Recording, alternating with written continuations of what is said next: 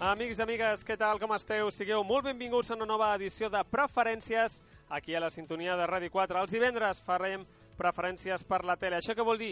Que analitzem, parlem amb la gent que fa la tele i intentem esbrinar què funciona, què no funciona i sobretot fem d'oràculo. El Manel Ferrer i l'Adrià Rodríguez són oràculo, el que ells diuen es compleix sí o sí. El que passa que els programadors encara no s'han adonat, però se n'adonaran. Manel, què tal, com estàs? Hola, què tal? Bona nit. A pocs dies de cap d'any volem dedicar el programa d'avui a fer balanç del que ha estat aquest any televisivament parlant uh -huh. i per això escoltarem a tots els nostres crítics que donaran els seus aprovats i els seus suspesos per aquest Uh, 2018, és a dir, uh, uh, uh, com a les uh. escoles. Acaba aquest trimestre, acaba aquest curs El i per debe tant doncs, mejorar. fem, exacte, ha de millorar, no ha de millorar, veurem aquests aprovats i suspesos. També estem molt a prop de les campanades. Uh -huh. Saps, Xema, ja on celebraràs les campanades al cap d'any? Sí, sí, sí, nosaltres a casa, amb A la casa, família. Les perfecte. campanades a casa. Molt bé. I tens un Sagrat. canal predilecte? On... Sí. sí? Quin és? Si La podem meva, dir. la meva. La teva, Televisió Espanyola. Perfecte, molt clar. bé. Doncs avui parlarem amb Marc Ribas, qui presentarà les campanades a TV3, juntament amb la periodista Elena García Melero, Mhm. i tindrem temps de repassar les audiències, conèixer la programació especial del dia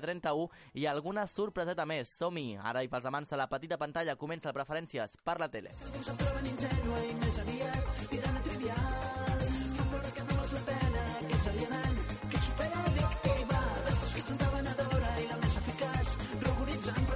Adrià Rodríguez, què tal? Bona nit. Tens canal predilecte també de les campanades? O Sí. va de pensi? Quin Sí. és el teu? Televisió Sant Cugat. Televisió Sant Cugat, que som nosaltres, És no? veritat. Bueno, tampoc, no és una mala No, no alternativa. mal. Això, eh, sí, sí. abans de parlar de, de totes les campanades, Sí. si agafeu la televisió de Sant Cugat, estarà veureu. Ololala Exacte. amb el Manel Ferrer, Sí. l'Adrià Rodríguez i qui més? La Sabina Pedrós i tots els col·laboradors a partir de dos quarts d'onze, no? Amb Exacte. aquest especial que cantarem, Doncs ballarem, ja està. farem prediccions i després les Oblideu-vos de, campanades. de les grans i tot això, Clar. la vostra és Sant Cugat, Fem home. show, i si no, doncs mira, ens mireu el dia següent també, Ah. i així veieu Via el programa online, via no? online també, i, i mireu els millors moments. Per què no? doncs veurem també aquesta gent i també uh, doncs, com a seguida també a TV3, que també té molta audiència, de fet és un de, aquí a Catalunya, És és la més seguida uh, gairebé cada any. Doncs Adrià, si et sembla que comencem abans, abans de tot, amb les telenotícies. Yo quiero trabajar en la televisión, ser el mejor presentador. Yo quiero trabajar en la televisión con Alexis Carrington. Y nos tiro a otro fin, y no hay mejor. I acaba l'any i això és sinònim de renovacions. Eh, sí, exacte. I renova... Això sí que és una sorpresa, ningú ho esperava, perquè per l'audiència no va acompanyar, encara que és una gran sèrie. Bueno, ha tingut per la- èpoques de pujada i baixada, també, eh? molt aplaudida per la crítica i porta més d'un any des de que va acabar la tercera temporada, és a dir, fa força anys. El Ministeri del doncs Tiempo. ara Televisió Espanyola hauria renovat el Ministeri del Però Molt bé. no la va agafar Netflix o la produïa Netflix, que va dir ja me La va agafar, jo, però no va arribar... a emetre-la per Netflix. No sí, va- a emetre-la sí, Ah, si no m'equivoco. però no nous Sí, capítols. però no Però s'han no- fet no- noves, no no s'han van fet arribar noves, nous- noves. Molt bé, molt bé, molt bueno, bé. veurem com va. I sabem quants episodis es renoven? Habitualment, si tot continua com la majoria de temporades del Ministeri de Tempo, serien entre 8 i 10. 8 i 10 allargar-ho episodis, molt, tampoc gaire. Molt bé. Uh, I després també anem a la voz, que estem ja acabant de conèixer, de perfilar com serà aquesta edició, una nova ajudant de coach. Exacte, la cantant i gran... la que més sort està ten- tenint, jo crec, Sí. sí. des de OT 2017, que és Míriam Rodríguez, que va fer eh, fa poc un duet amb Pablo López, doncs serà assessora de Pablo López a la voz durant la- Molt bé. l'etapa de les batalles. Segons es publica avui també, eh, David Bustamante seria l'assessor de eh, Luis Fonsi. Molt bé, doncs veurem Uh. també si segueix. També dic, no sé si sent el dia dels innocents eh, ens hem d'agafar amb pinces, Exacte. però sí La que de us diem que la sí de que- Míriam sí, perquè va sortir ja a principis d'aquesta setmana i també doncs, té continuïtat amb aquest duet que, que han fet, amb aquest tema que han fet junts i sembla que seguiran treballant junts. I polèmica a TV3, Adrià, posem-nos en antecedents abans de parlar de la desautorització. Un, un, dels di, un dels dies dels programes d'Helena García Melero a les tardes al Tot es mou eh, començava la taula política que tenen i va dir per, em permetran que em prengui una llicència i va posar una, una flor groga enmig de la taula política i al cap dels minuts, doncs, misteriosament, la, la flor va En desaparèixer. sèrio? Vaja. També hauríem de dir que... A veure, amb el meu carinyo a Elena García Melero, però clar, les llicències te les prens quan la tele és teva o és el teu menjador. Però clar, estem parlant de la televisió pública catalana, potser les llicències no haurien de ser. O con Coca-Cola. O poses un piló de flors i cadascuna d'un color diferent, Molt bé. no? Més Fas elegant. allà una cosa sortida, un Molt busto bé. gran, no? Una groga, o no una poses vermella. res, Clar, perquè clar, no clar. és casa teva. És a I dir, qui ha TV3 desautoritzat? És aquest Ara gest ve o ha qui ha passat de- alguna Aquest cosa? gest, aquest gest seria el que tothom es preocupa una desautorització d'Helena García Melero. Clar, no crec que va desaparèixer així perquè sí, sinó algú li donaria el toque, no sé si més fort o més fluix, però algun toque va bé. Fluixet, fluixet, crec jo. Sí, un Jo també. Li van dir, t'impulsaria a treure això? I ja està, no crec que fos una cosa de... Però a més això li va molt bé a Helena García Melero, perquè Sí. fa el detall, a sobre li treuen i tothom a Twitter ole tu, ole tu, ole tu. Jo no Bueno. crec que Sanchis hagi dit que treguin la flor, perquè No. si firmessin DP... Bueno, en l'època que estem estaria de vacances, segurament. Sí. Clar. De fet, hi ha un departament dins de TV3 que, en principi, la feina que fan Ah, sí? és, com, sí, és com garantir la neutralitat dels Ah, formats i de la feina que es S'ho han fa. de currar una mica més, eh? I la feina que han fet aquest any abans d'acabar-lo ha sigut treure una flor d'una taula. Per tant, La medalleta, bueno, no? ja està. Bueno, per, justificar una mica, per justificar el sou també seria una molt bé, mica. molt bé, molt bé. I hem parlat de la voz, però és que Factor X vam explicar ja la setmana passada, o si no l'altra, que tornaria de nou a Telecinco. Exacte. Vam parlar que Alejandro Sanz seria una de les possibilitats que voldria Sí. Telecinco. Doncs la notícia és que Alejandro Sanz ja ha dit que no. Vaja. Ah. Però el que, després d'Alejandro Sanz, on té el focus Telecinco és en Isabel Pantoja, És veritat. Ah, sí, que sí, seria sí, el sí. bombazo, no? I com Sí, va sí, la vam dir. negociació? Jo crec és que, clar, Isabel Pantoja és molts diners. Val Ja diners. està, si és que al final- diners. Gratis no és Isabel Pantoja. No, ni barata. Ni Llavors, l'opció, Adrià, que sol ser quan fan aquestes negociacions és fer un pack, no? És a dir, fas tantes uh, gales d'aquest programa, més una entrevista al Deluxe, més una aparició a Viva la Vida i cantes la Nadala de l'any que ve per Vale, Telecinco, exacte. no? Que sol I- fer aquests packs És el que en estan gran. negociant ara. Exacte. A veure amb quines condicions. A veure com surt. I a vegades, Adrià, aquestes negociacions, ara no sé com està el tema, però també serveix per treure demandes. És a dir, uh, Normalment, sobretot per això. Tenen, per exemple, Isabel Pantoja, que ha demandat a Telecinco, Ah, per sí? exemple, per exemple, i llavors diuen, et contractem per fer aquest programa i, a més, ens treus aquesta demanda. Que. I llavors fan aquesta jugada, moltes vegades es tanquen molts contractes Així. per supervivientes, així també. A- Alguna persona que els ha denunciat, doncs agafen i diuen, et fiquem a supervivientes i ens treus la Això no ho demanda. havia sentit mai. Que Sí, sí, fort, sí, el sí, que us sí. esteu estar Sí, sí. enterant aquí al Preferències per la tele de Ràdio 4. Funciona així, tal qual. Funciona I així. anem a GH Duo, que és una mica el que ve després de GH VIP, que per cert va guanyar Míriam Saavedra. I arriba Gran Hermano VIP Duo amb parelles Quina particularitat de té? Són parelles i s'expulsen Són les totes dues? parelles. Això encara no, no Això ho han no ho confirmat, com encara. serà la mecànica. Sí que sabem que tots són parelles, o parelles actuals o exparelles, o que estan en crisi, per exemple. Oh. Tot Que no és parelles. poc, és Vamos, un potaje... Aquí està la gràcia, no? Exacte. Confirmat ja, perquè estem fent amb comptagotes, com sempre. Tenim els primers confirmats, que són Kiko Rivera i la seva dona, que si nivell. parlàvem de contracte d'Isabel Pantoja, doncs aquí hi ha un altre apropament, Mm-hmm. que és el fill. Després tenim també confirmat Antonio Tejado, eh, nebot de Maria del Monte, Sí. anem vinculant una Sí, mica, sí, també sí, està Kiko sí. Rivera, eh, eh, la Antonio dona. amb la seva dona, que fa poc van tenir una crisi, Mm-hmm. es van fer diversos platós i tot això, i l'última confirmada és Ilenia Padilla, Ilenia de Gandia Show i Onda! Gran Hermano I té VIP parella? 3, i han No desvelat confirmen. només a ella, però encara no ens han confirmat qui seria el seu o la seva companya. I clar, hi ha moltes opcions. Podria I ser diuen Belén que Esteban ho com a- sabrem la primera gala. podria ser Belén Esteban com a millor amiga dins del VIP, podria ser algun ex, ex. podria ser... Hi ha moltes opcions que es mouen dins de, de l'univers Tot Ilenia Padilla. serà un ex. Que, per cert, eh, Ilenia Padilla és la manera que tenia ara de reflotar, perquè les últimes aparicions en tele eren més aviat escasses eh? i pobres. Sí. Per tant, veurem com seguirà. I acabem amb Amazon. Sí, perquè han comprat una sèrie a una productora espanyola, estan començant això de la producció espanyola a Amazon Prime, i el titular és Amazon compra una a una productora espanyola una sèrie sobre monjas que cultiven marihuana. Ah, interessant de veure. Mare Interessant com a mínim. Com, a veure com acaba i quina repercussió té també tot plegat, perquè aquestes mai són En exemptes principi estarà de gra- polèmica. eh? ambientat a, a Mèxic. D'acord, doncs veurem com, Té bona pinta. com es sí, desenvolupa la, la sèrie, com més, quin, una mica quina és la trama, no? perquè més enllà d'això ha de tenir algun Sí, tipus sí, de sí, contingut sí. més, Ha de perquè funcionar, si no ha de bastant, funcionar bastant molts capítols, complicat. a més a més. Exacte. I nosaltres no ho deixem aquí, Adrià, perquè el dia 31 és un dia molt especial Cling, a la cling. televisió i hi ha una programació especial que ara repassem.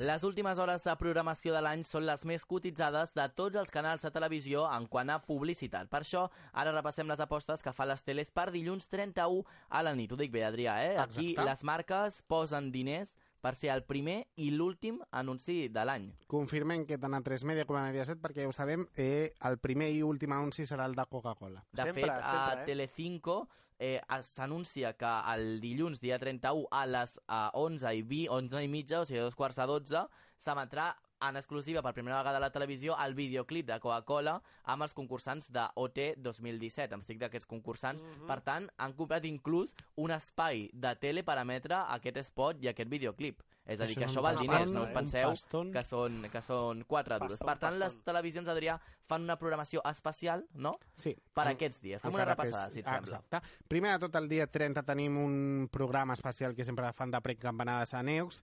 Serà amb els d'Homo Zapping, que faran Sí. com una paròdia dins d'un sopar, dins de la casa Mhm. de los Javis, Sí? i diverses paròdies. con los Javis. Sí, ja sí. una mica... No acaba, Tampoc això. ha fet tant els Javis, vull dir... Ja Igualment, està. es, es tracta de la imitació, és a dir, ells no sortiran, però la trama és Ah, amb vale. els imitadors dels Javis. Que igualment ja que tenen com... Jo ho he mirat i no acabo de No veure... s'assemblen en res. Sí que és veritat que Homo Zapping hi ha imitacions que les imiten molt bé, altres que s'acaba la imitació i no saps qui són realment. vale. o sigui Que vuelva Raquel Que Revuelta. torna Raquel Revuelta i tornem als, als clàssics, que tampoc està malament. I ara sí, la nit del 31 especial aquí a la U tindrem primer de tot Retratos Salvajes, un programa especial de José Muta amb el seu particular humor. Sí.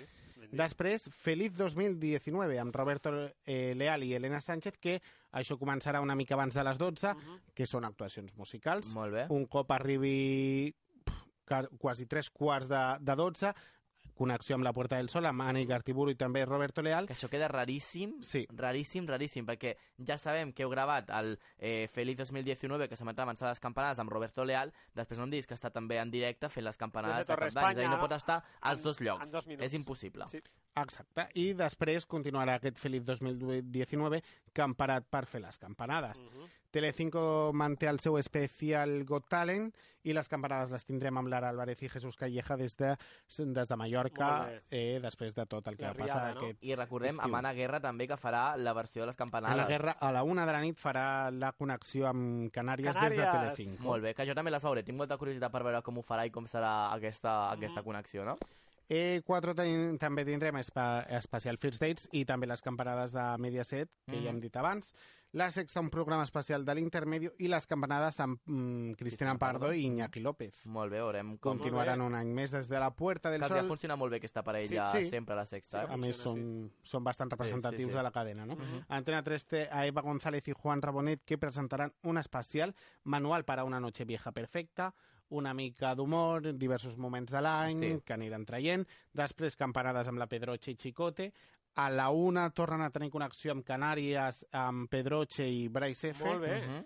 I també després de, de les campanades tindrem un karaoke, Feliz 2019. Molt bé, és a dir, que música i especials i aquestes uh, campanades que també hi ha molta expectativa, primer, per Cristina Pedroche, perquè sempre aixeca molta Sí, sí. polseguera per veure com anirà vestida, com serà, com deixarà de ser, i després també Telecinco per veure com és aquestes campanades fora de la Puerta del Sol, que ja està bé, encara que el motiu sí. sigui que sigui Mallorca, no? Però ja està bé que Sí, surtin sí, de sí, l'espai sí. de sempre i que veiem una mica més amunt. De fet, abans, a TV3, anys enrere, sí que anàvem fent per diferents Sí. pobles i Ara anaven ja. canviant. Ara ja no ens movem, ens quedem aquí, com a molt faig Maria Cristina, Torre Sí, Akbar, sí, sí, sí. i no em demanis Sí, és més. veritat, Però abans sí que anaven, s'anaven movent i Mhm. també feien una mica més que la tele fos una mica eh, més de tots. No? És a dir, a- al teu poble on feia les campanades, doncs la gent anava a veure-ho allà, no? Sí, és a dir, sí, sí. era una mica una cosa més, Clar, més i viva. més, sí que és molt típic de la Puerta del Sol, però si comparem, la Puerta del Sol no és tan gran, no és tan... No, no, és no, no. mítica, però no gran. Clar. Però és molt més gran plaça Catalunya, per exemple. Sí, sí. Algun any els hi dona per fer-ho des d'aquí i, bueno, amb imatges de Sagrada Família, de Barcelona, Ja ha omples, eh? perquè de la Porta del Sol només tenim la imatge del rellotge, Sí. no és unes vistes de Madrid que, Clar, clar. que flipes, No, no, tampoc. no, no, no. tampoc. Ni les té, ni les També més, suposo- a, aquí fan negoci sobretot el, qui té un pis a la Puerta del Sol, Sí, perquè sí, sí. llogar-ho... Ai, Aquí ai, és on ai. està el negoci realment, però sí que és veritat que, per exemple, en altres televisions autonòmiques sí que es va movent el lloc Sí. on fan les campanades, alguns ho fan gravats, que escolta, jo tampoc ho critico del tot, perquè No. si no tens els mitjans suficients, els recursos suficients per fer-ho, millor fet. que ho facis així, que les facis en directe i siguin un desastre, no? Per Exacte. tant, també és igual. Al cap i a la fi, el programa, en el pitjor dels casos, dura 5 minuts, per tant, tampoc et mengis massa al cap. Si no es pot fer, no es pot fer. Perquè Punto. després, a veure, Adrià, si aquest any la torna a liar algú amb les campanades. Ens agradaria. Ens agradaria perquè és una cosa que sempre agrada, perquè si surten perfectes a tot arreu, no hi ha notícia, no? És que es No. fallin amb les campanades, o Los que es trenqui un vestit, o que hi hagi un comentari que surti, o que es talli la O connexió, o fiqui Canal Sur que posi anuncis cada dues campanades, o no ho sé, no? Alguna cosa així que també ens, ens, ens agradi de, de veure. I nosaltres no marxem de les campanades, perquè com us dèiem al principi del programa d'avui, volem parlar amb un dels protagonistes d'aquestes campanades i ho fem amb Marc Riba, que és el presentador de les campanades de TV3.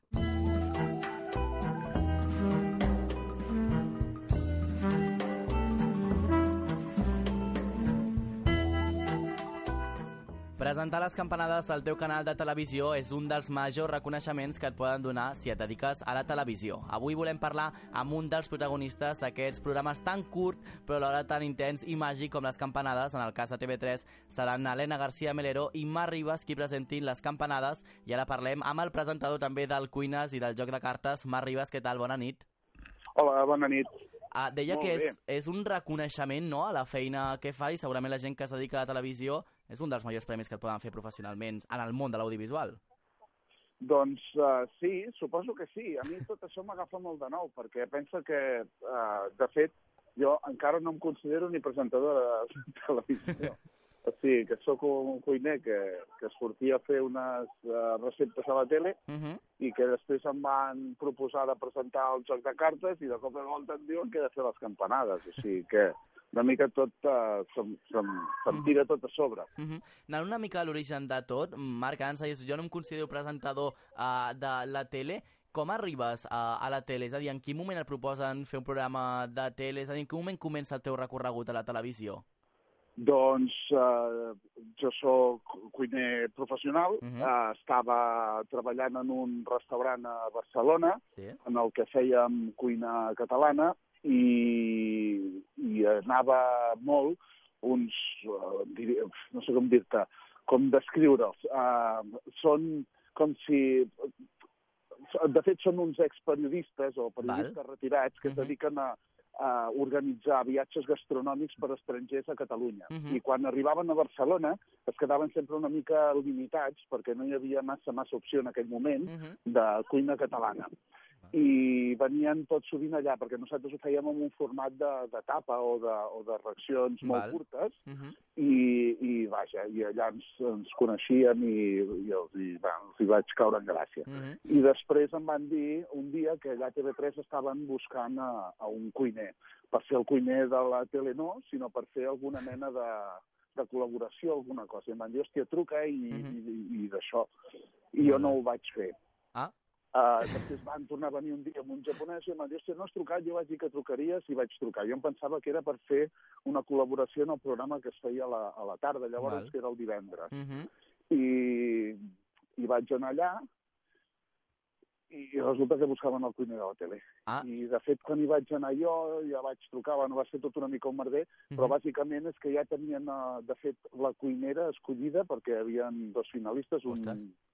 Un noi i una noia, Uh -huh. i, i em van dir, bueno, però vine, i, i ho mirem, ja n'havien vist a 130, i vaig Ostres. arribar jo i els hi vaig uh, Molt bé. tot, i, i Molt allà, bé. allà va començar tot. Molt bé, i va començar, i aquest any fent també balanç del 2018, molt bé, professionalment a la televisió, perquè ha d'estar fent el Cuines, i també el joc de cartes, que ha funcionat Sí. molt bé, és a dir, és un dels formats segurament després el repassarem nosaltres, però que millor ha funcionat a la tele catalana i després les versions que se n'estan fent.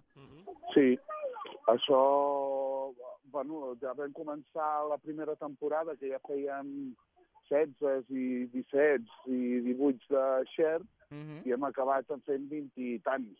Mhm. Em sembla que vam arribar a fer un 24 o així de Xert. Mhm. Molta gent. Que està molt bé i a més que ha funcionat molt bé. Veurem més temporades de joc de, de cartes? Està previst que segueixi fent? Sí, de fet, la preproducció començarà el mes de gener Ah. I començarem a gravar el mes de febrer. Uh -huh. Molt bé, i que després també són restaurants, alguns uh, que hem pogut parlar uh, també amb ells, que després els hi va molt bé. O sigui, el fet de sortir un programa Sí. de televisió i participar-hi, amb, amb molts, és un rellançament, per així dir-ho. Sí, uh, de fet, uh, no té res a veure les reserves que tenien abans de joc de cartes a la que tenen després de, uh Mhm. -huh. de sortir en pantalla. Uh Uh -huh. -huh. Una, Els hi va molt bé, és una impulsió molt bèstia. Una, una pregunta, Marc. Uh, amb tota aquesta situació, uh, ara mateix que deies que encara no et veus de presentador i ni més ni menys faràs la, les campanades, que és com el programa el que té els pics d'audiència més grans uh, absolutament, tu ja, uh, més enllà de veure't o no, et planteges una, una doble vida entre el món professional de la cuina i el món professional de la comunicació? Bé, ja el, és una realitat, de fet, aquesta doble via. Clar, o sigui clar. que no, no veure-ho és, és, bueno, és a dir, és sec, no? El que passa que tinc molt clar que, que em jubilo com a, com a cuiner, no com a presentador, Mhm. i que la, la tele em va molt bé, Uh -huh. perquè, perquè em va molt bé també pel, pel, per la meva feina com a cuiner, però, però bàsicament és, és una feina que, que, que té un recorregut limitat Mhm. que no, no m'hi trobo amb la cuina. És a dir, hi haurà un moment que deixes de fer gràcia i ja està. I en canvi la cuina sempre tens uh, la, la, les teves opcions. No? Clar. I al moment que tu deixes de fer gràcia tot això s'ha mort. Avui hi ets i demà no. Mhm. I, i així m'ho prenc perquè crec que ha de ser així, que ha de ser més saludable. Després hi ha grans professionals de la tele que són super uh, comunicadors que eh, poden uh, treballar en molts registres i jo bàsicament sempre puc estar en un registre i és en el de, mira, aquest tio fa bé perquè és fresquet, se'l veu allò més o menys uh, natural perquè no puc interpretar res perquè no tinc aquesta capacitat ni Mhm. aquesta preparació i després puc parlar de cuina. Tampoc em posis a mi a parlar de, no sé, de futbol perquè no tinc ni idea. Marc, també eh, et volia preguntar, perquè clar, aquesta nit, aquesta nit del dia 31 compartiràs eh, programa amb Helena García Melero, que jo crec que és una de les Sí. presentadores eh, més mediàtiques a la televisió catalana, que més programes ha presentat i durant més anys a la televisió. També Sí. un honor, suposo, per tu compartir amb ella aquesta estona de tele. És un luxe, a més la Helena és molt guai, llavors eh, m'ajudarà molt i, ja està. Tot plegat també, ja li vaig dir, dic, hem de saber diferenciar els quarts de les hores i pels més, la resta és felicitar el, el, L'any, no? el, el Nadal, no tens, tens molta responsabilitat perquè estàs felicitant a l'any nou a, Mhm. a, a tothom que et mira, Sí? però, però vaja, que no, no és la cosa més... No és presentar la marató, m'explico? Clar, que eh, això sí que és És una, una mica més cosa complex. que, que requereix molta, molta més preparació, diguéssim. Mhm, mhm. Clar, i parlant de preparació, ja heu fet algun assaig, hi ha molts nervis, Helena en aquest cas t'haurà donat algun consell, ja?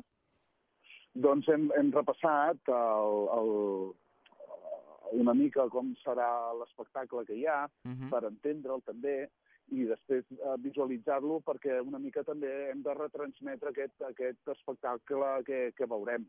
Mhm. Per poder-ho també... Doncs... No me n'ha donat, perquè és que també sóc de mal aconsellar, jo. jo una mica és el deixem allà i que faci, saps? Mhm.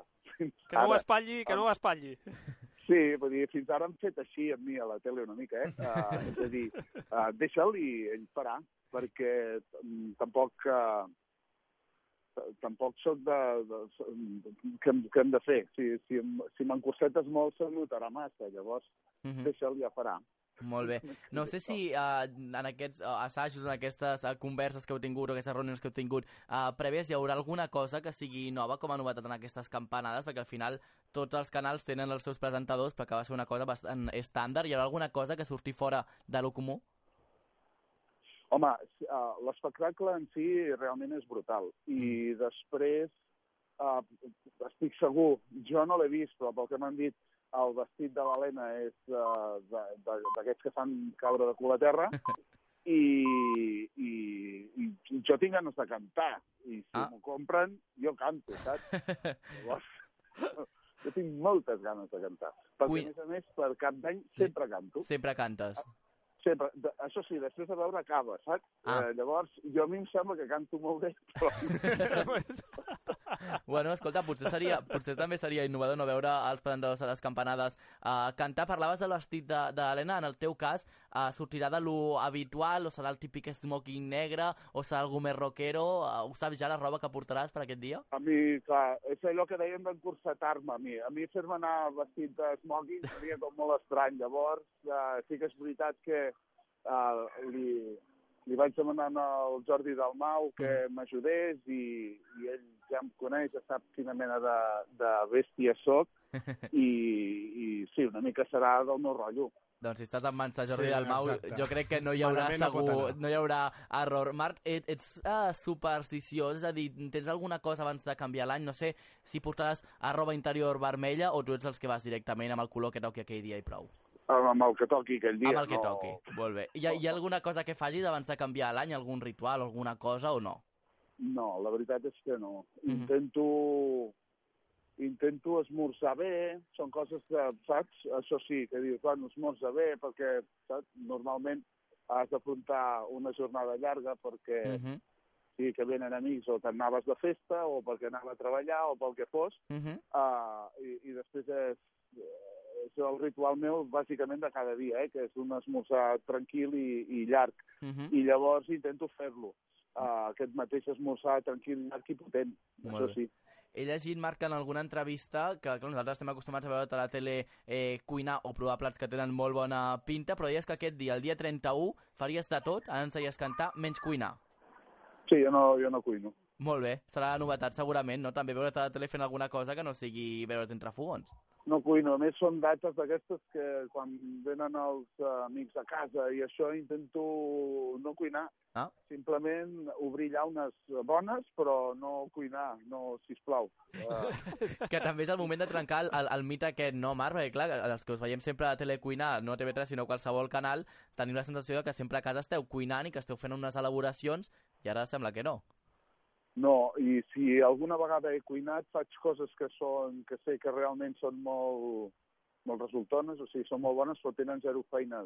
Acostumen a ser aquelles coses de forn. Uh -huh. Saps que saps que tiro això al forn, ho deixo, uh, i d'aquí quatre hores ja has fet. I després ho tallarem i ens ho mengem, i ja està. Uh -huh. A més, uh, penso que, que són aquells dies que tens ganes d'estar de, d'estar amb els teus, d'escoltar-los, de parlar, Uh -huh. no d'estar de- mirant si aquest plat té aquesta textura o aquell altre, és igual, el que et donguin, el que vols és menjar, beure, Clar. riure, Uh -huh. uh, mirar els ulls en els teus i, i ja està. Uh -huh. Ara parlaves d'això, doncs, del fet de celebrar les festes amb la família, estar a prop dels teus. No sé si comporta aquesta part del dia 31, que és un dia molt especial en aquestes festes, uh, estar Sí. treballant, que encara que sigui una cosa molt divertida, però que estàs Sí. treballant, com portes el fet de separar-te de la família? Sí, doncs mira, per primera vegada després de 20 i tants anys Mhm. no celebraré els, uh, les campanades, diguéssim, al cap d'any amb, el, amb els meus, que és Mhm. amb els meus amics i, i la família, Sí. que ho fem sempre i, i va, tinc mil anècdotes, des d'un que li va sortir una vegada el, el raïm pel nas de tant riure, Ah, uh, no sé, mil coses. ostres, perquè són molts anys que els hem passat junts, el que passa que uh, teníem preparada una cosa i és que ens n'anàvem a una casa i Mm. mm. tot això que havíem uh, estat mirant i, i després al final no, i ho farem a casa meva i, i quan acabi tota la feina, diguéssim, jo Mhm. tornaré cap a casa i allà m'esperaran i si queda alguna patata fregida o alguna, alguna copa de vi i acabarem de riure i fer el mateix espectacle de cada any. molt bé. Doncs, Marc, moltíssimes gràcies per atendre'ns en aquests dies uh, previs i segur que anirà perfecte, més acompanyat d'Helena García Melero, que una altra cosa no, però de tele en sap un munt i en té moltíssima experiència i, gaudeix molt d'aquest dia, que també suposo que per tu també serà molt, molt especial. I tant, moltes gràcies a vosaltres Que vagi bé. escoltar una estona. Moltes gràcies. Adéu, Marc. Una abraçada, bon any.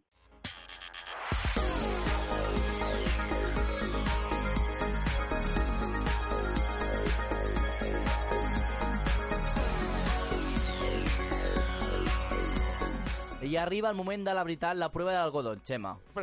Aquí és el moment que passem el cotó per sobre el moble i veiem si hi ha pols o no. Si s'ha fet la feina ben Exacte, feta o no. definitiu. Hem de posar en nota els aprovats i els suspesos d'aquest 2018 i tu, Adrià, anirem comentant els que vagin sortint els nostres Sí. companys i també afegirem si cal alguna, Si cal, alguna cosa. si. I saps el que tinc jo més curiositat? Per veure si coincideixen entre ells, els nostres crítics, Ah. per veure si hi ha algun aprovat o suspès que uh, es repeteix en aquestes valoracions.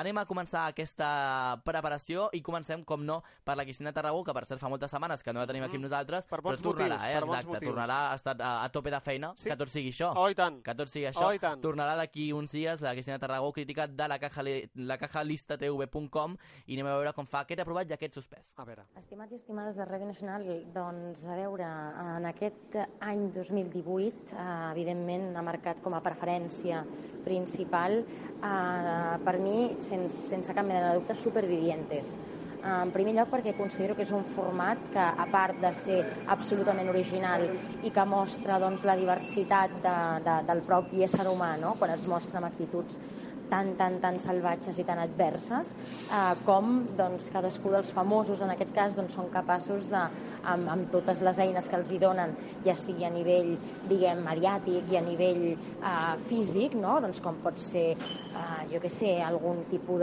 d'utensili per, per, per sobreviure allà en la, en la selva, i em sembla doncs, un format totalment, totalment eh, innovador i també el vull per aquest 2019 i que continuï amb aquesta audiència i amb aquest èxit.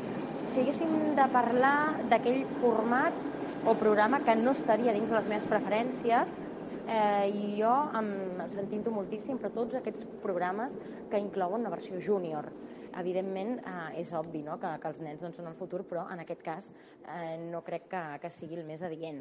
Els nens estan bé doncs, que creixin i que aprenguin i que estiguin a les aules. Per tot el de més, doncs, bueno, considero que, que no, no seria del tot eh, correcte eh, i a part que, escolta'm, ho direm ben clar, perquè si no, no seria jo, no? Eh, M'avorreixen soberanament.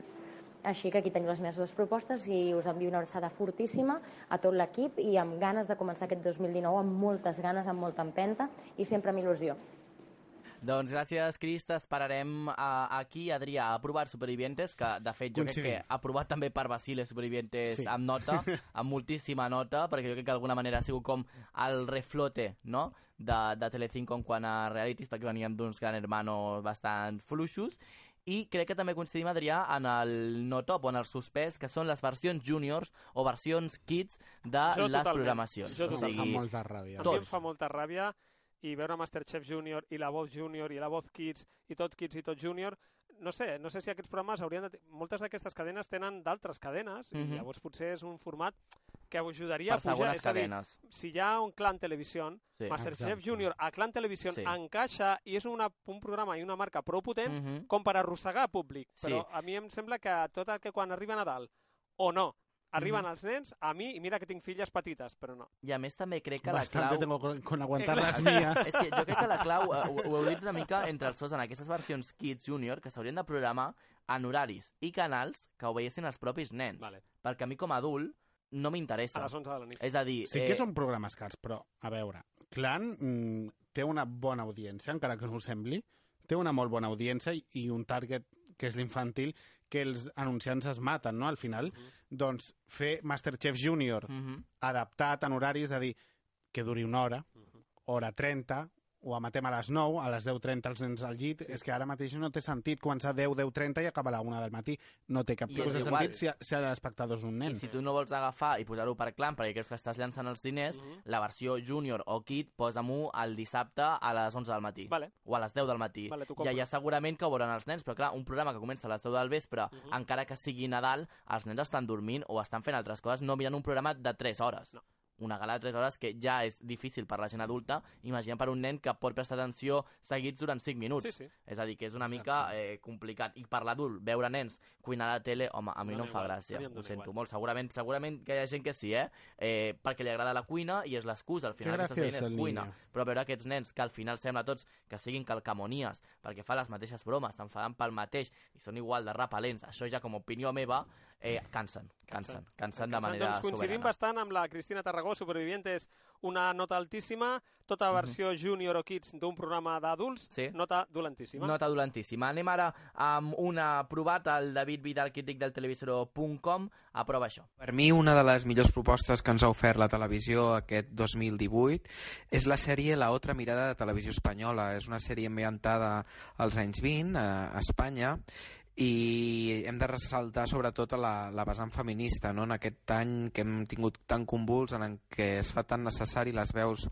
femenines no? i que reivindiquin aquesta la igualtat, doncs és interessant en aquesta sèrie aquest, aquest retrat que es fa des dels anys 20 i possiblement s'han fet moltes sèries actualment amb una vessant doncs, femenina, però aquesta segurament és la més contundent que hem pogut veure a Espanya. És una sèrie d'època i no és la típica sèrie habitual d'època, nyonya, amb el típic missatge de la dona feble que està al costat del, de l'home, sinó que apareix una dona empoderada, una dona valenta i que, i que pren el, el paper protagonista de la sèrie. La sèrie sí que és veritat que ha tingut uns resultats discrets en audiència, però les, la bona acceptació tant de públic com de crítica ha sigut guanyadora d'un ondes, ha fet que puguem disfrutar pròximament d'una segona temporada. Amb això el David Vidal eh, ha donat en el clau, perquè és a dir, una sèrie que potser en audiència no ha estat la més brillant, però clar, estem parlant d'un format que té una bona qualitat. I que Ja a més s'emeten en una televisió I pública. està més a la televisió pública, que això també és una mica el debat que Jo la tinc teníem, pendent, de veritat, eh? No, no l'he vist, però... El debat aquest és a dir, la televisió pública, què està buscant al final? Una audiència o està buscant un contingut que, que realment funcioni? No? Per exemple, a, això, aquest tema vam parlar quan parlàvem de Desaparecidos, Sí, no? que jo deia, és un programa que s'ha d'emetre a una televisió pública Mhm. perquè té un servei públic Sí. que potser no està arribant a l'audiència que a vosaltres us agradaria, però és que la televisió pública no uh, ha d'estar lligat a una publicitat i a uns ingressos eh, publicitaris. Per Totalment. tant, eh, si s'ha de fer un programa és de servei servei públic, públic. ha d'anar a televisió S'ha espanyola. de fer, Ja sigui quina sigui l'audiència. I això sembla que no aguantarem al final. clar, jo crec que els programes, sèries de servei públic ens hauria de donar igual, després un altre tipus de formats d'entreteniment, doncs sí que ens hauríem de fixar una mica més a l'audiència, bàsicament no, no per guiar-te per publicitat, perquè en aquest cas Televisió Espanyola guanyarà el mateix, és a dir res, Sí. eh, doncs valorar una mica si aquest programa d'entreteniment que no aporta res a la societat et fa un 7, doncs potser no et val la pena. Si t'aporta un 22, doncs potser et val la pena perquè també has d'entretenir a l'espectador, també és una funció clar. pública. Clar. Però en aquest cas s'ha de fer com un, un balanç, no?, entre audiència, crítica i servei I públic. també hauríem de veure que les televisions que fan un servei públic, segurament les audiències no les hauríem de comparar amb Telecinco o Antena 3, que estan venent publicitat i estan venent eh, un producte. Un Però producte bé, i, i molt bèstia, no es tallen sí, per fer-ho. sí, sí. I per això hauríem d'haver, a més, eh, el concert de dones, que no sé què va Exacte. fer eh, dimecres a les 12.30 de la nit, quan Exacte. En principi anava eh, la nit de Nadal. Però bé, això ja és un altre tema que per cert ha aixecat moltíssima polèmica a través de Twitter i si escoltàvem l'aprovat del David Vidal, anem a escoltar el seu suspès. Per mi el pitjor que li ha pogut passar a la televisió aquest 2018 i sobretot parlant des d'aquí, des de Catalunya, és el tancament de la- de l'oferta de, de producció pròpia de 8TV. No vam tenir uns anys molt, molt bons en el que compartien cadena tant l'Aerocities com, el, com la, la nit del Cuní i eren espais doncs, molt diferents entre si però que, que enganxaven a l'audiència, que van obtenir grans resultats i que feien que 8TV fos una cadena doncs, competitiva, no? un referent i una opció que sempre tenies a, aquí a Catalunya. Ara mateix ens trobem amb que la cadena en l'últim any ha anat a, de cap a caiguda, els espais que, que tenia de producció pròpia a la nit, de, de notícies i de debat, no han acabat de funcionar i la cadena, en comptes de dir doncs, apostem per nous formats, han decidit tancar els que, els que ja tenien i no intentar noves opcions de- d'entreteniment. De fet, acabem el 2018 i comencem el 2019 jo crec que estem a l'antesala de la notícia del tancament total de, Total. de 8TV, perquè al moment que tu ja renuncies a la producció pròpia de continguts, m'estàs dient que emetràs segurament eh, documentals, sèries. pel·lícules, i això la gent, El quan que era una tele... Exacte, abans. quan una tele no té vida, la gent deixa de veure-la. Per tant, es diu que en el món digital i també en el món de la televisió el contingut és el rei. Si no Mhm. ets capaç de, gener capaç de generar contingut al voltant d'emetre pel·lícules, fas un Canal Plus, com tenia abans, dos programites i tot pel·lícules i ja està, però Sí. no és el cas. Creiem, creiem aquí que el 2019 serà l'any que tancarà sí, definitivament 8TV. i no crec que serà en el segon semestre. És a dir, jo crec que el tancament de 8TV està molt més a prop del, del que pensem. Sí. I és el que tu deies, dius, és el que abans era City TV, però City TV va deixar de ser City TV per ser 8TV Mhm. i ser una televisió amb contingut perquè no funcionava, si ara tornem enrere m'estàs dient que vols el que abans no et funcionava. Sí, sí, sí, sí. Per tant, jo crec que serà com que es tancarà el cercle Cosa d'una mala gestió. Cosa d'una mala gestió i al final tampoc de no fer unes apostes reals, perquè és a dir, sí que s'invertien diners en aquests programes, No, i tant. però s'estaven invertint Mal malament. invertits. Malament. El tema de Cuní algun dia se sabrà què li van pagar. Exacte. I, I, allò ja ho dic, que no poquet, eh? No era poquet, no era poquet, el, que, no era poquet. el que guanyaven no, no. Aquests, por 1.000 euritos no en aquests va. programes. I anem a l'Àlvaro Roldán, periodista i crític Sí. de televisió, que ell també ho unifica tot en una mateixa gravació, lo positiu i lo negatiu. Bueno, pues termina el 2018 y toca un clásico, lo mejor y lo peor que ha pasado por nuestras cajas tontas. En la lista de lo peor voy a meter a Javier Cárdenas, a Hora Punta, ese programa que tenía que haber desaparecido muchísimo antes, ha llegado por fin eh, a cerrar en 2018, pero no se escapa de meterse en la lista de lo peor de el contenido televisivo de este año. Fama Bailar también está dentro de esta lista negra porque no ha calado nada en la audiencia. Ha sido el fracaso de los revival con permiso de Operación Triunfo 2018, que también se cuela en esta lista negra porque ha sido el fracaso, ha sido una pérdida de un millón, más de un millón de, de telespectadores, no han calado sus nuevos triunfitos. ¿Por qué? Pues porque estamos todavía con la resaca de Operación Triunfo 2017. Recordemos que ambos, ambos formatos, ambas ediciones han eh, vivido en la misma, en el mismo año y con pocos meses de diferencia y eso ha hecho, ha, ha hecho mella mala en la audiencia. Cuatro Wedding, por poner algunos de los programas eh, tróspidos de Cuatro, tampoco ha tenido el éxito que los eh, mandamases de eh, Mediaset España pensaban y creo que se tiene que meter en esta lista negra. Pero hablemos de bueno, hablemos de lista blanca, hablemos de lo mejor, de, de, del, contenido que los amantes de la televisión queremos. Por supuesto, empezando por arriba, tengo que meter en la lista a Vis a Vis, esa nueva serie que se aleja muchísimo de lo que vimos en Antena 3, que arrasó y colapsó el teatro eh, del Festival de Cine de Málaga cuando se presentó brutal esa nueva serie, esa nueva temporada que ya está aquí y por supuesto está dentro de la lista de lo mejor de 2018 y seguramente se colará en la próxima del próximo año. Esa, esa final de 2017, esa final de Operación Triunfo 2017 tiene que estar en todas las listas. Esa, esos triunfitos, ese debate entre si lo malo o la canción que finalmente representó a Eurovisión, eso fue un momento que se compartió no solamente en televisión, sino también en eh, reuniones, en peluquerías, en bares, en Twitter, en todas las redes sociales y eso se merece que esté en lo mejor de 2018 en la televisión. Yo personalmente destaco también la cobertura del Mundial de Fútbol que ha hecho eh, Mediaset de España. Todo el mundo hemos estado pegados a La Roja, hemos estado pegados ya no solamente una vez de que nos eliminaron, también estuvimos hasta la final, hasta que ganó eh, eh, un, un equipo que nadie apostaba por él, pero que al final esa cobertura tan buena, televisivamente hablando, ha estado hasta el final con nosotros. La llamada del año. ¿Cómo no iba a estar la llamada del año en lo mejor de 2018? Isabel Pantoja entrando en Sálvame día sí y día también. Eso tiene que colarse y eso es un eh, producto que ha conseguido nuevamente Telecinco. Y continuando con Telecinco, GH VIP. O sea, no puede faltar esos tres meses grandes de televisión que nos ha dado eh, que yo uniría también a Supervivientes porque realmente han sido dos grandes ediciones, tanto la de Supervivientes como la de eh, Gran Hermano VIP y, por supuesto, Miriam, Sofía, Subescon han sido dos grandes ganadoras, flamantes, vencedoras que la audiencia ha sabido mantener hasta el final y que ha enganchado de lleno a una audiencia que ha arrasado, en este caso, con GHB. Y bueno, también eh, destacaría la cobertura de la sexta, de las televisiones en general, pero sobre todo de la sexta con la histórica moción de censura. Eh, este año ha sido un año bastante mm, de altibajos políticos y las televisiones han sabido estar ahí y saben estar ahí hasta, hasta el final con esa cobertura de las elecciones de Andalucía, esa moción de censura, ese, eh, esa fuga de ministros que ha tenido el nuevo, eh, el nuevo gobierno y eso creo que también merece estar en la lista de lo mejor de 2018 y estoy ansioso por ver qué nos trae el 2019 porque seguramente habrá cosas que se destaquen y que no.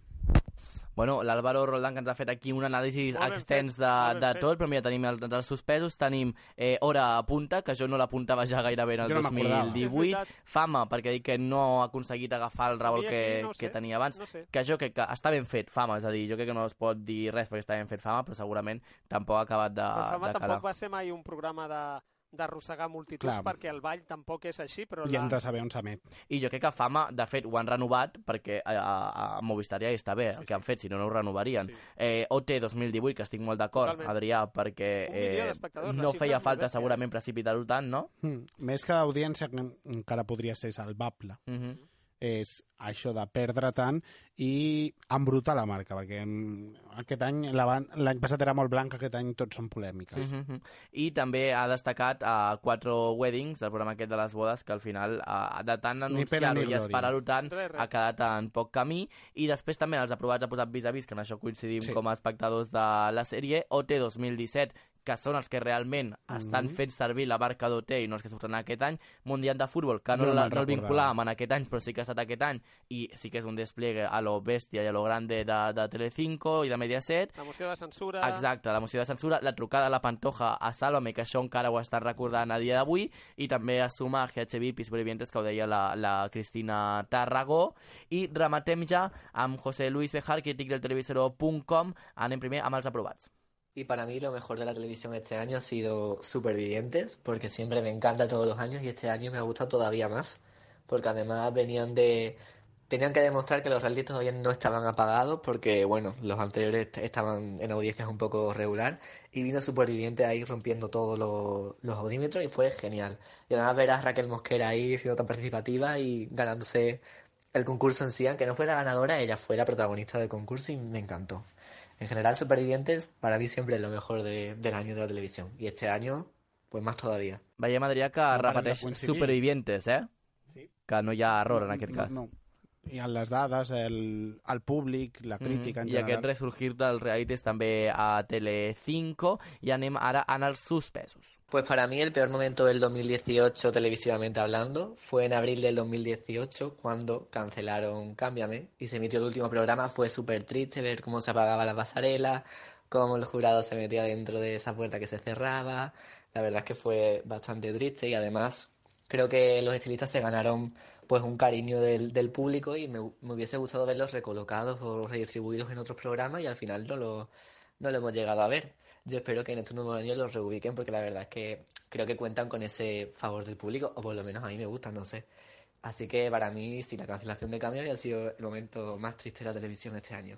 Uh -huh. A recorda Canvia'me, que Adrià eh, va ser un programa que va intentar-ho arreglar 40.000 vegades, canviar els coach, pujar jurat dels coach, i al final, res de res. Doncs no. Mal resultat. Queda que... clar que els migdies, després dels programes bèsties, Uh -huh. d'Anna Rosa Quintana, Susana Griso i tal, són complicats d'aguantar. Tenim la ruleta de la fortuna, que fa Sí. anys que mig aguanta, la sexta tira amb la part política, però estem veient, per exemple, com uh, Mujeres, Hombres i Viceversa està enfonsadíssim Sí. i no sabem perquè ven, venen hi ha audiències molt bèsties, però cap al migdia és complicat. I, òbviament, Canvia'me era aquesta fórmula de què fem, què fem, on ho fiquem, i quan no funciona, de vegades no hi ha manera, és que no hi ha manera, no és una qüestió del programa, no interessa la fórmula i parlant del que passarà en aquest 2019, Uh -huh. crec que aquest any veurem definitivament la desaparició de Mujeres, Hombres i Viceversa. Sí, Ja jo, és hora. jo crec que és hora O totalment. sigui, el- 300.000 espectadors, Sí, el que em preocupa ara és que Toñi Moreno uh, l'enganxarà ella, quan Ja. realment crec que no té la culpa de res. Ja. l'han Per tant, l'han jugat, li han fet una mala jugada i espero Molt que a l'hora de que s'acabi Mujeres i I Hombres si la premin d'alguna igual, manera. Viva la vida també marxa. O sigui, que... Ja, ja, ja, Però clar, Viva la vida, hem de dir que ha començat a baixar ara. Mm. No estava en el seu millor moment, però... Però no així, no com ara, clar, és a dir, eh, ho hem mogut, aquest canvi de peces potser tampoc calia. No Llavors calia. això potser és el que ens està confirmant que el canvi de peces és per algun altre motiu que nosaltres desconeixem, Vale. perquè no veig aquesta eh, evolució cap a, cap a un altre lloc, cap a millor. No, no, no. perquè és que cap Mujeres i dos. Hombres... Jo crec que també està canviant molt el, el concepte, o el que eren Mujeres i Hombres, en aquest cas, perquè la manera de pensar de les persones.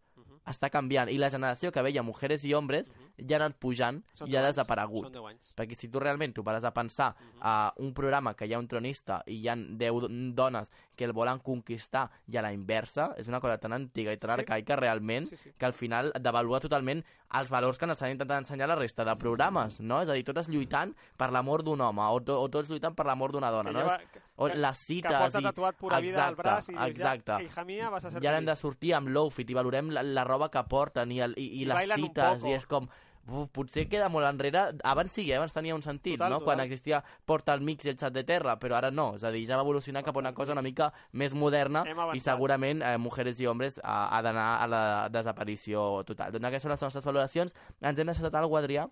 Jo crec que no.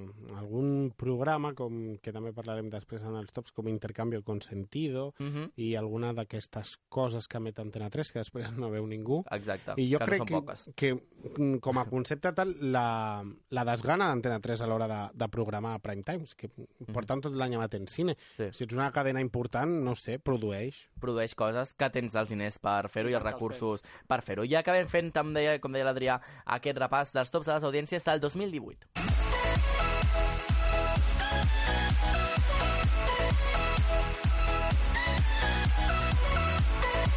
I en el top, Adrià, coincidim en el gust dels nostres uh, col·laboradors, dels nostres crítics, amb les audiències, Exacte, també. farem dos i dos. Doncs el top d'aquest any, eh, un d'ells és Gran Hermano VIP, l'última edició que va fa, acabar fa molt poquet, Mhm. amb una mitja de 3.123.000 espectadors i un 29,7% de share de mitja, no, no com una final, sinó Mhm. com una mitja Està a prop del bé. 30%, Meva. el que Sí. podria ser un partit de futbol per, Totalment. perfecte. Sí. Tu, Molt quina bé. xifra. I comparteix top també amb Supervivientes, que també una mitja del 29,2% i 3.312.000 Clar, què li espectadors. dius a Telecinco? No, Clar. és que són basura i tal. Bueno, sí, Sí, 30%. però qui està veient aquesta basura? No? Potser és una mica l'anàlisi que hauríem de fer. Sí, no, sí, a mi sí, la sí. televisió no me gusta. Per estadística, a casa teva, si sou quatre, Un mínim Un- una persona un que ho està un- un veient. i un quart. Un, un, i un quart, Un i un quart ho veu. Per tant, si no ets tu, és el teu marit, el teu I fill no o el teu diu. germà. I, I no, no t'ho diu. diu. O si t'ho diu i ho veieu tot. O sigui, que tot pot ser que estigui passant en aquesta, en I aquesta en el casa. no top, què has en el no top Perquè- tenim dos, un d'ells és Intercanvio Consentido, aquest programa Antena 3 que va fer una mitja del 8,3% Mhm. i 1.018.000 espectadors i un altre molt destacat és el fracàs de la sèrie El Continental a Televisió Espanyola que va fer una mitja del 4,6% i 523.000 És espectadors. una audiència que ni té en TV, et diria Exacte. jo. O sigui, és una audiència Molt, que molt queda dolenta. molt... Que ni mujeres i Que ni hombres. mujeres i hombres ara mateix. És a dir, fatalíssim. Sí, sí. I per cert, hem de recordar que gairebé se'ns oblida el programa de Núria Roca a les tardes de 4, Ah. que això també ha estat aquest any. És a dir, que no se'ns oblidi que allò que va durar dos dies també No ha era sigut aquí. l'any de Núria Roca. No ha sigut No ha l'any de sigut Núria Roca, Núria Roca. totalment. Sí, sí. Doncs nosaltres marxem. Moltíssimes gràcies, Gràcies Adrià. i bon any. Moltíssimes Bon any gràcies. per avançades. Bon any, ja sabeu, si podeu, veieu les campanades a Sant Cugat Televisió Sí. i passeu de la primera i TV3 És i, igual, i la Pedroche i veieu aquests dos ja amb el seu equip. Moltíssimes gràcies, ens retrobem l'any vinent, com va molt esta frase, i marxem escoltant Somos, la canció grupal d'OT 2018, i que per cert van cantar ja per primer cop al concert de l'anterior edició d'OT al Palau Sant Jordi aquest passat dijous, que era l'edició, el concert de Toto, la generació de Amaya, con un extrita dels d'aquest any, que no crec que facin Sant Jordi. Bueno, ho deixem aquí. Gaudiu molt del cap de setmana, gaudiu molt de cap d'any. Tornem a la sintonia de Ràdio 4 a partir de dilluns amb Somos. Us quedeu. Todo lo que hemos callado, ahora grita libertad.